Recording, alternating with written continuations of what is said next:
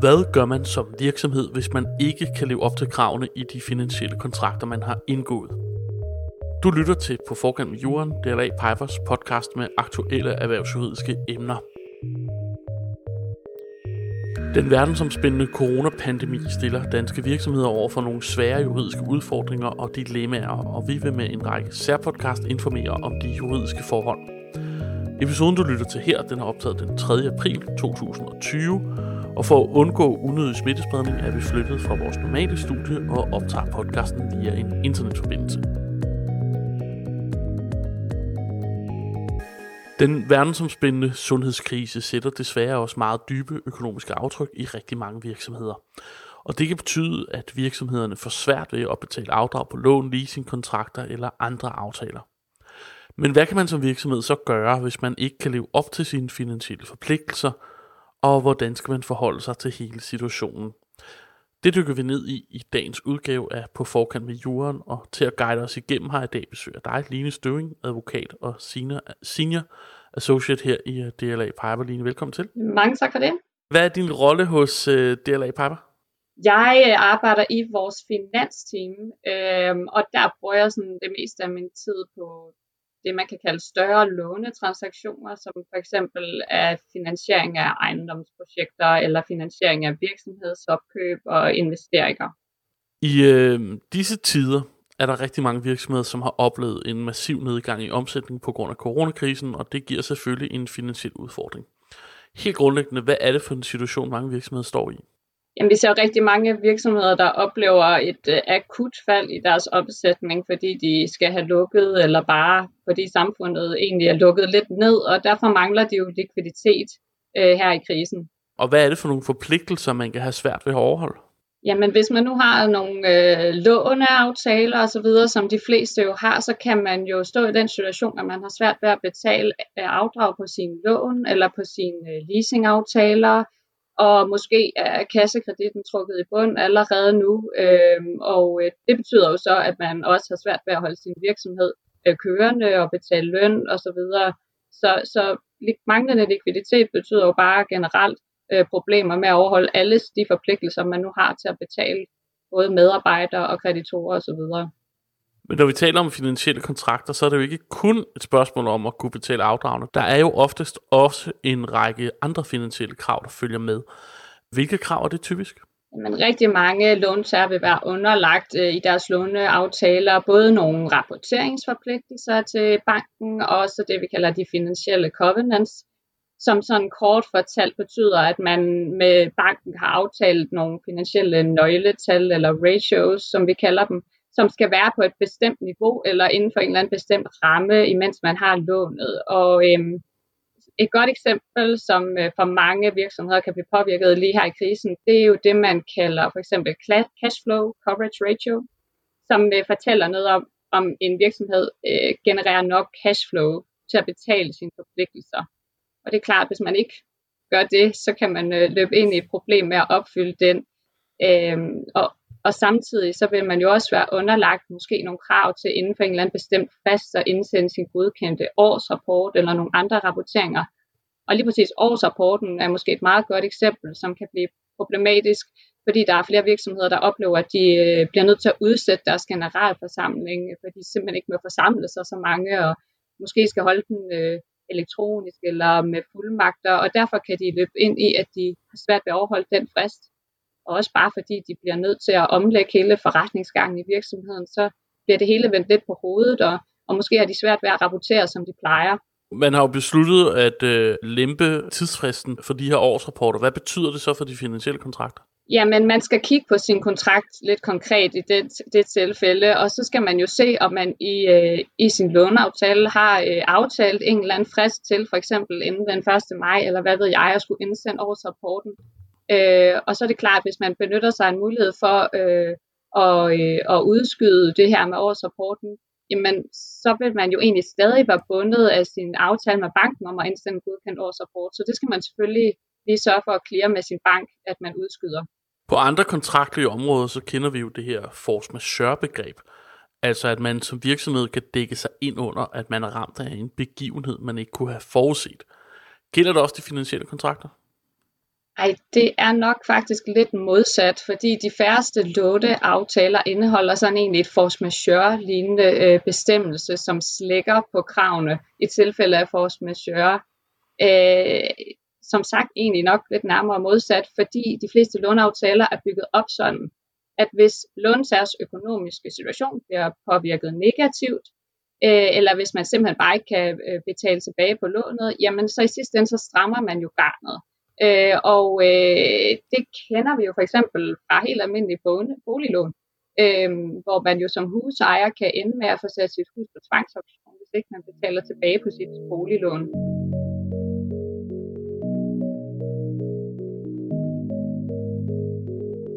Så altså, hvis vi prøver at takle den her udfordring sådan helt lavpraktisk.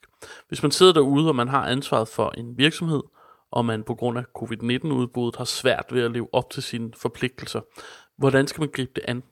Jeg synes, man skal prøve allerførst at få et overblik over de finansielle forpligtelser, man har over for banker og øh, leasing osv. Og, og, og så ud over selve de løbende afdrag og betalinger, man skal foretage, så skal man også få et overblik over, hvilke af de her finansielle covenants og rapporteringsforpligtelser, øh, man er underlagt. Og så skal man prøve at få et overblik over, om man ligesom kan se, at man enten har eller vil snart vil få problemer med at leve op til nogle af forpligtelserne. Hvis man øh, ikke lever op til dem, så øh, vil man jo sådan som udgangspunkt være i misligeholdelse af sin øh, kontrakt. Øh, mange låneaftaler er nu også bygget op sådan, at der er sådan forskellige niveauer af misligeholdelse. Så det er ikke nødvendigvis sådan, at fordi man glemmer at indsende et budget eller noget i den stil, at så, så, øh, så er hele låneaftalen, øh, kan den blive opsagt. Men, men men man skal sørge for at sætte sig ind i, øh, hvad, hvad konsekvenserne er af, øh, at man ikke lever op til forpligtelserne, for det kan også godt være lidt forskelligt. Der er jo to måder at gribe det an på. Man kan jo enten prøve at danse det her overblik, og når man så ved, hvad man øh, har mulighed for, og hvad man ikke har mulighed for, så kontakt banken. Den anden mulighed er jo at kontakte banken og få dem til at hjælpe sig med at lave det her overblik. Hvornår i processen skal man involvere sin bank? Jeg synes, man skal danne sig sit eget overblik øh, først, og så skal man se, om man rent faktisk har problemer med at leve op til sine forpligtelser. Og derefter synes jeg, man øh, skal tage fat i sin bank eller sin øh, långiver. Og det vil jo være en god idé at have et eller andet realistisk overblik over øh, ens økonomiske situation, som man ligesom kan præsentere banken for. Øh, for så kan de også langt bedre forholde sig til den konkrete økonomiske situation, man står i som virksomhed. Det kan godt være lidt svært øh, for dem at, at forholde sig til det konkret, hvis man bare kommer og siger, uha, nu går det virkelig dårligt på grund af krisen, hvad skal jeg gøre ved det? Det vil, mm. det vil være rigtig godt, at man lige prøver at selv sætte sig lidt ind i, hvad, hvad man sådan forudser også i løbet af de næste måneder. Okay, så du siger, at man skal virkelig have forberedt sig godt, inden man tager kontakt til banken. Men man skal vel heller ikke først tage kontakt til banken, øh, når man sidder sådan helt ude på kanten? Nej, det synes jeg ikke. Og langt de fleste banker er jo også typisk rigtig gode til at hjælpe. De kan bare hjælpe bedst, hvis man også selv prøver at danne sig et rigtig godt overblik, sådan så de får al den information, de egentlig har brug for, for at de kan danne sig det rigtige billede. Der er jo samtidig lavet en øh, række hjælpepakker til erhvervslivet. Nogle af de hjælpepakker, de kan jo hjælpe med lønkompensation eller dækning af faste udgifter, men der er jo også øh, lavet tiltag, der skal gøre det nemmere for bankerne at låne penge ud til kriseramte virksomheder. Hvordan er mulighederne på lånemarkedet lige nu? Jamen sådan helt konkret på lånemarkedet, så er der jo som en del af hjælpepakkerne blevet introduceret de her garantiordninger, øh, som foregår ved, at Vækstfonden kan stille garanti øh, over for banker for deres udlån til øh, virksomheder, som er sådan særligt ramt af krisen her. Øh, og der er nogle betingelser, der skal være opfyldt for, at man kan det, øh, og det har vi faktisk også et øh, lille nyhedsbrev om, og man kan også se det lidt på Vækstfondens hjemmeside. Men det, men det foregår sådan, at det er ens bank, der søger Vækstfonden. Så det er, det er en ting, man kan prøve at tage op med sin bank, om man måske øh, kan udnytte øh, den mulighed. Men, men mange virksomheder vil jo også kunne overveje at søge nogle af de andre hjælpepakker, som lønkompensation og udskydelse af skat og øh, kompensation til faste udgifter og sådan. Og, og hvis man nu er i den situation, at man alligevel skal tale med sin bank, øh, så øh, vil det jo være en god idé, at man lige har sat sig ind i, om man måske kandiderer til nogle af de her hjælpepakker, fordi det er jo også en del af billedet for banken. Hvis man nu helt lavpraktisk forestiller sig, at man skal, man skal lægge nogle budgetter, så vil det jo være øh, en del øh, af, af øh, ens budget, om øh, man har mulighed for at få hjælpepakker eller ej.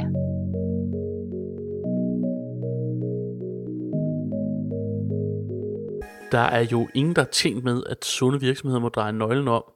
Og jo slet ikke dem virksomheden skylder penge.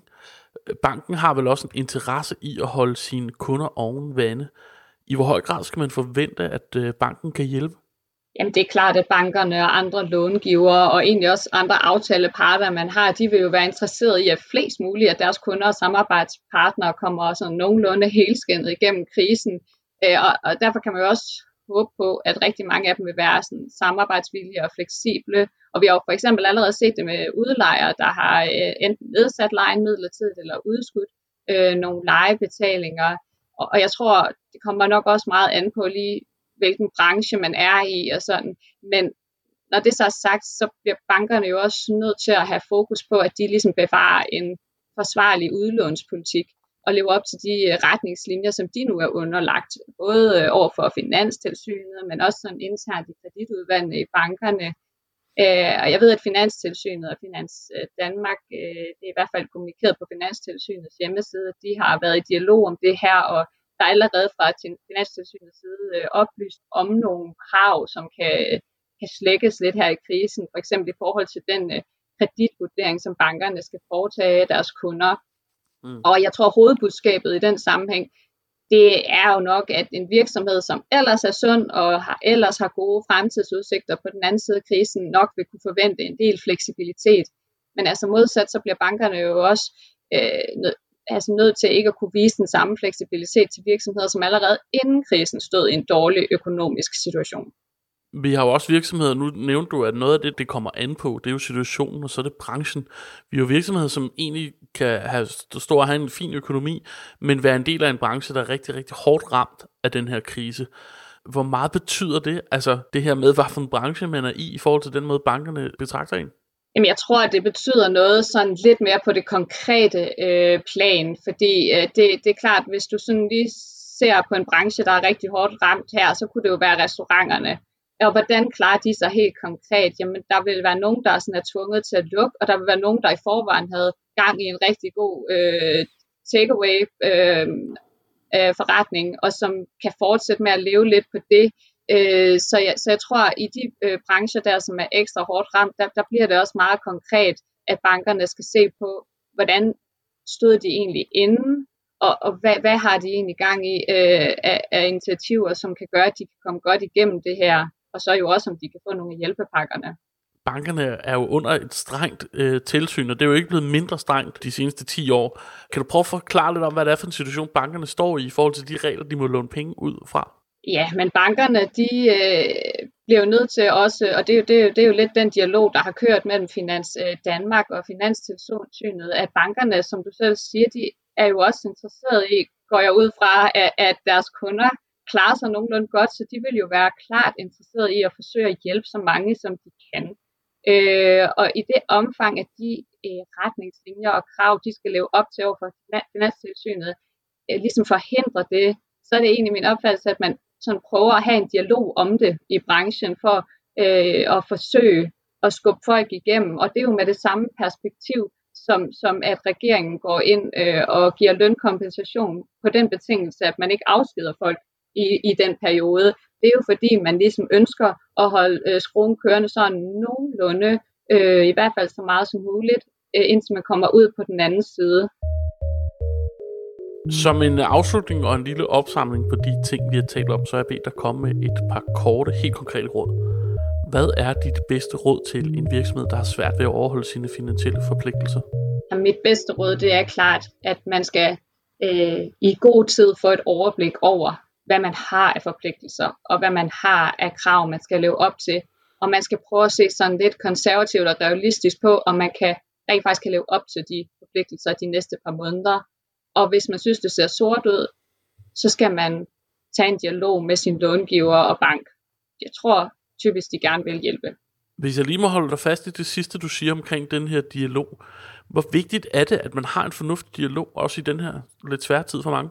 Men jeg tror, det er alfa og omega, fordi der er jo rigtig mange, øh, der famler lidt øh, i blinde, også, øh, også fordi, at der kommer en masse ny øh, lovgivning nu, som, som vi ikke rigtig øh, ved 100% hvordan øh, vi egentlig skal forholde os til, og hvordan det egentlig vil se ud. Øh, vil, er der, der er jo klart nogle gråzone områder, som, som jo som der jo ikke er noget praksis på, og som myndighederne jo heller ikke endnu nødvendigvis ved, hvor de skal lægge linjen.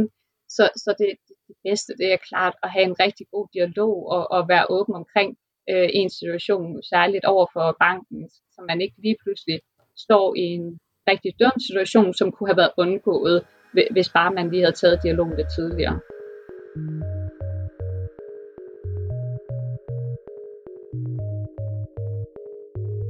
Det var alt for denne særudgave af På forkant med jorden i forbindelse med udbuddet af covid-19. Vi udgiver en række særpodcast om de forskellige juridiske forhold i forbindelse med situationen. Vi har også samlet en række artikler og udgivelser om emnet på vores hjemmeside, og du kan finde et link hertil i podcastens episodebeskrivelse. Denne gang talte vi om finansielle kontrakter og episodens ekspert for Line Støving. Find og følg podcasten i din foretrukne podcast-app, du kan også finde dette og kommende afsnit på vores hjemmeside dlapiper.dk. Mit navn er Magnus Krabbe. Tak fordi du lyttede med.